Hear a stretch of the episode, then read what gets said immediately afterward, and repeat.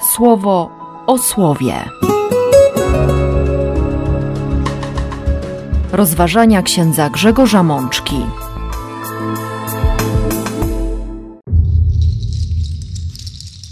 Piąta niedziela Wielkiego Postu, rok C. Z księgi Izajasza. Oto ja czynię nowe i ono już wschodzi. Wy poznacie je. Psalmu 126. I zaczął Pan czynić nam wielkie rzeczy, a my byliśmy szczęśliwi.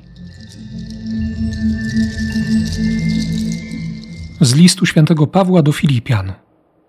I oczywiście nadal to wszystko uważam za stratę z powodu nadrzędnej wartości poznania Chrystusa Jezusa, mojego Pana.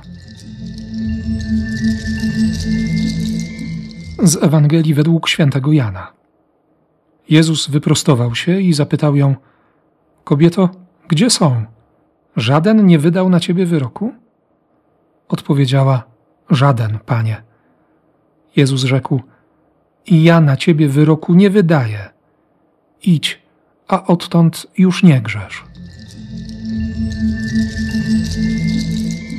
Siostry i bracia, bardzo pięknym słowem karmi nas w tę piątą niedzielę Wielkiego Postu nasz Pan i Bóg we wspólnocie Kościoła. Słowo pełne nadziei, słowo otwierające perspektywę życia, słowo, które podnosi, które każdą literą wypowiedzianą dziś do nas chce powiedzieć: Jestem, jestem blisko.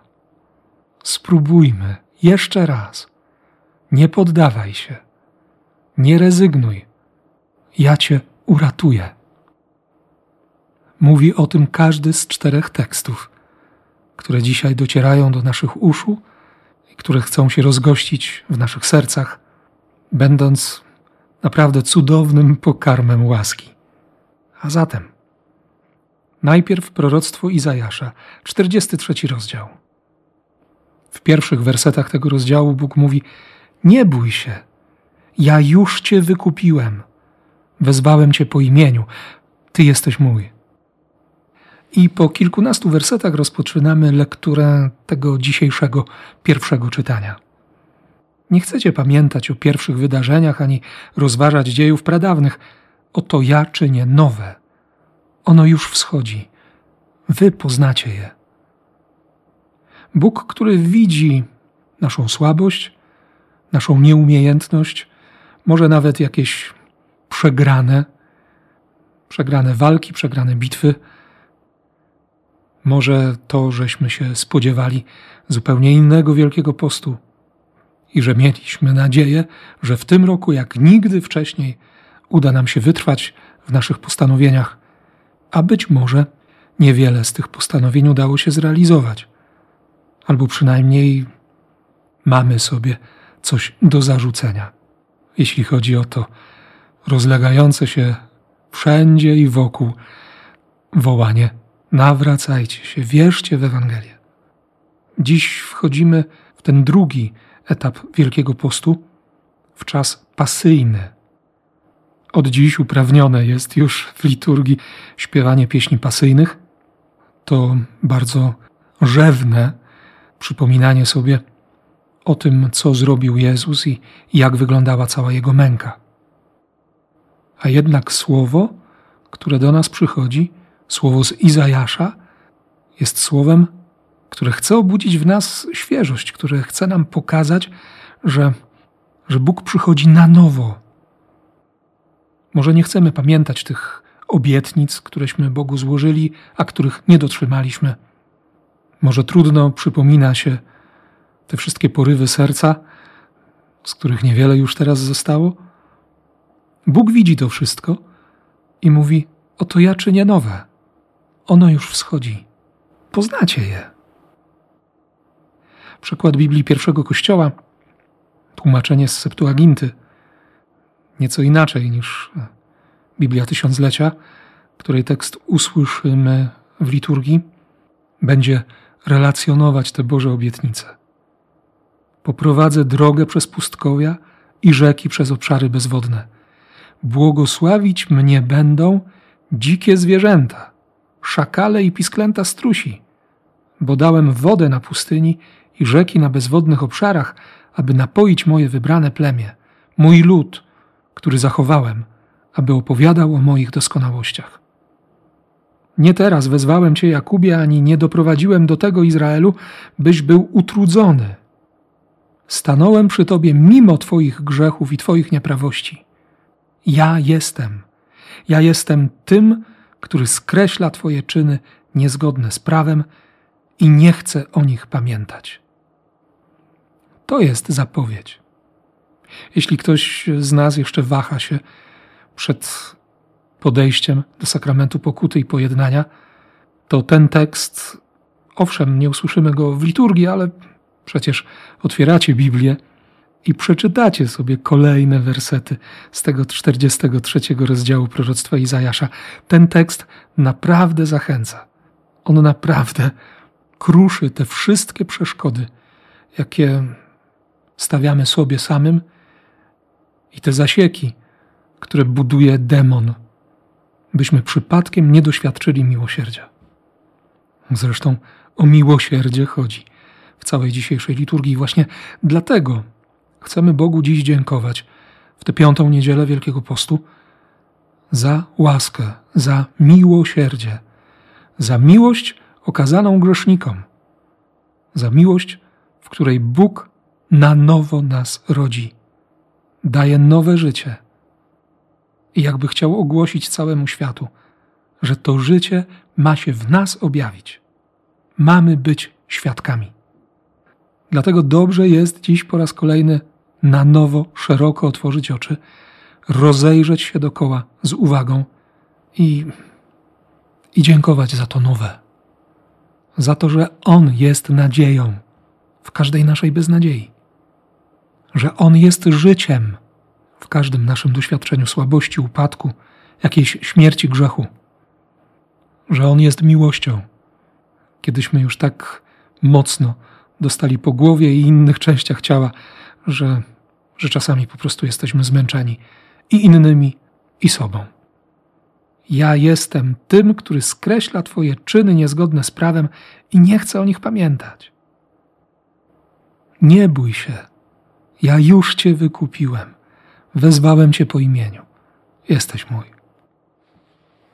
I dlatego komentarzem do tego pierwszego czytania jest to niedowierzające jeszcze trochę szczęście i radość tych, których Pan postanowił przyprowadzić z powrotem, tych uprowadzonych, by doznali pociechy.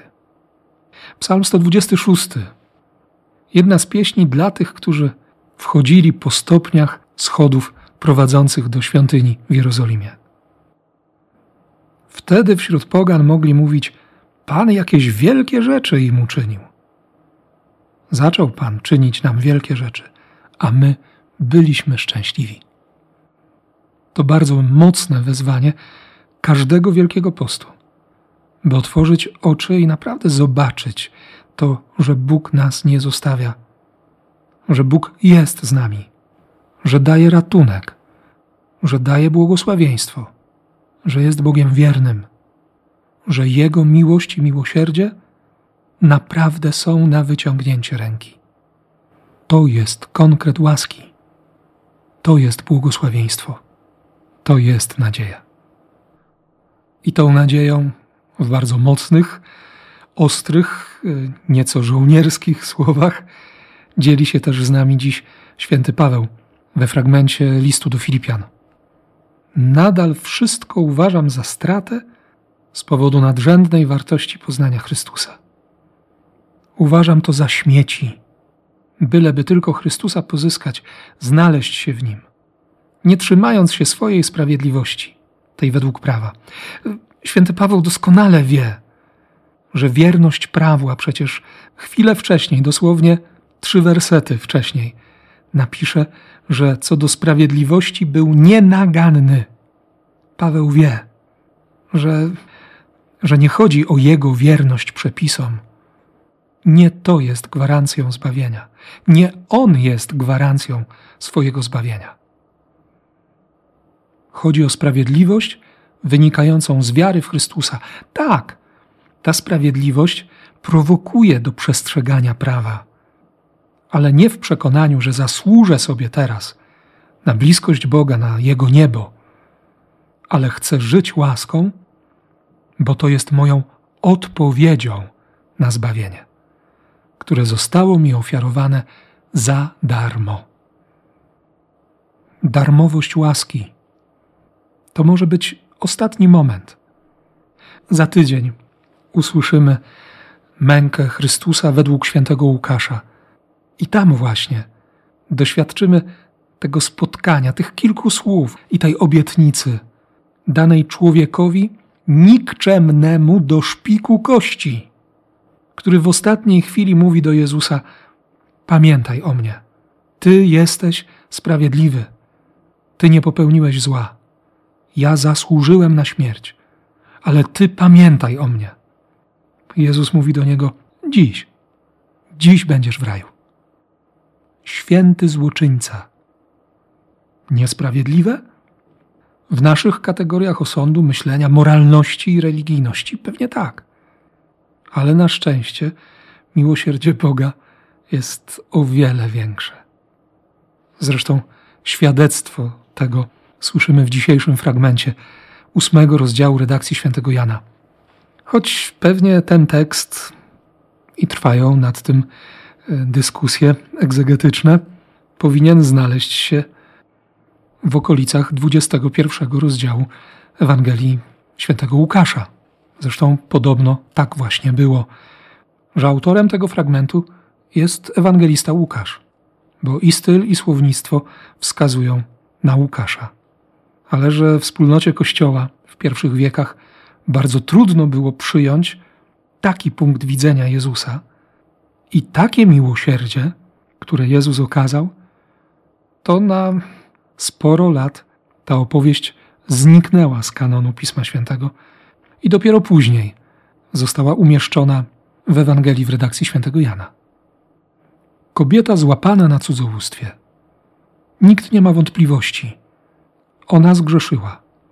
Pewnie przyjechała na święto Paschy ze swoją rodziną. I zamiast zająć się mężem, dziećmi, może trwając już od dłuższego czasu w jakimś związku, przeżywając jakiś romans, spotkała się z tamtym człowiekiem, który nie był jej mężem. Została przyłapana in flagranti i, i w sumie nie chodziło nawet o nią, bo uczeni i faryzeusze chcieli chcieli doprowadzić do śmierci Jezusa. Wydaje się, że i Jezus, i ta kobieta znaleźli się w ślepym zaułku. Nie ma żadnego dobrego wyjścia. Ale Jezus po prostu schyla się. To wszystko dzieje się na dziedzińcu świątynnym i zaczyna coś rysować palcem po ziemi. Kreśli jakieś litery na piasku. Wielu zastanawiało się, co tam wtedy Jezus pisał. Czy to były grzechy tych, którzy przyszli oskarżyć? Czy może imiona kobiet, z którymi właśnie oni zgrzeszyli?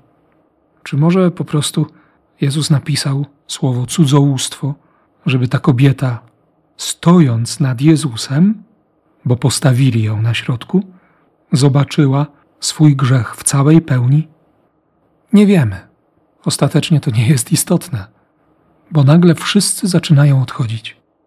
Jezus bardzo dobitnie mówi o miłosierdziu Ojca. I sytuacja na pozór bez wyjścia nagle staje się przestrzenią nie tylko do osobistych rachunków sumienia, ale też do spojrzenia na tę kobietę jak na człowieka. Tak patrzy na nas Bóg, na każdego z nas. Na każdego z nas, którzy uwikłani jesteśmy w grzech, którzy wracamy do naszych słabości którzy tak często skorzy jesteśmy do oceny innych, tych, którzy zdradzili, którzy są gorsi, od których my jesteśmy tak bardzo różni, inni, lepsi. Bóg na każdego z nas patrzy jak na człowieka, na swoje stworzenie, na człowieka, w którego tchnął życie. I nawet jeśli z tego życia rezygnujemy bardzo świadomie, to On to życie przywraca. Chce je dać. jeszcze raz, jeszcze raz i kolejny raz. Gdzie są? Żaden nie wydał wyroku. I ja na ciebie wyroku nie wydaję. Nie ma piękniejszej zachęty do spowiedzi.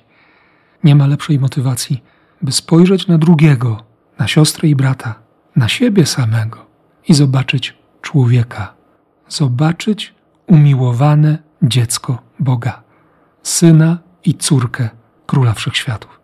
I ja na ciebie wyroku nie wydaję.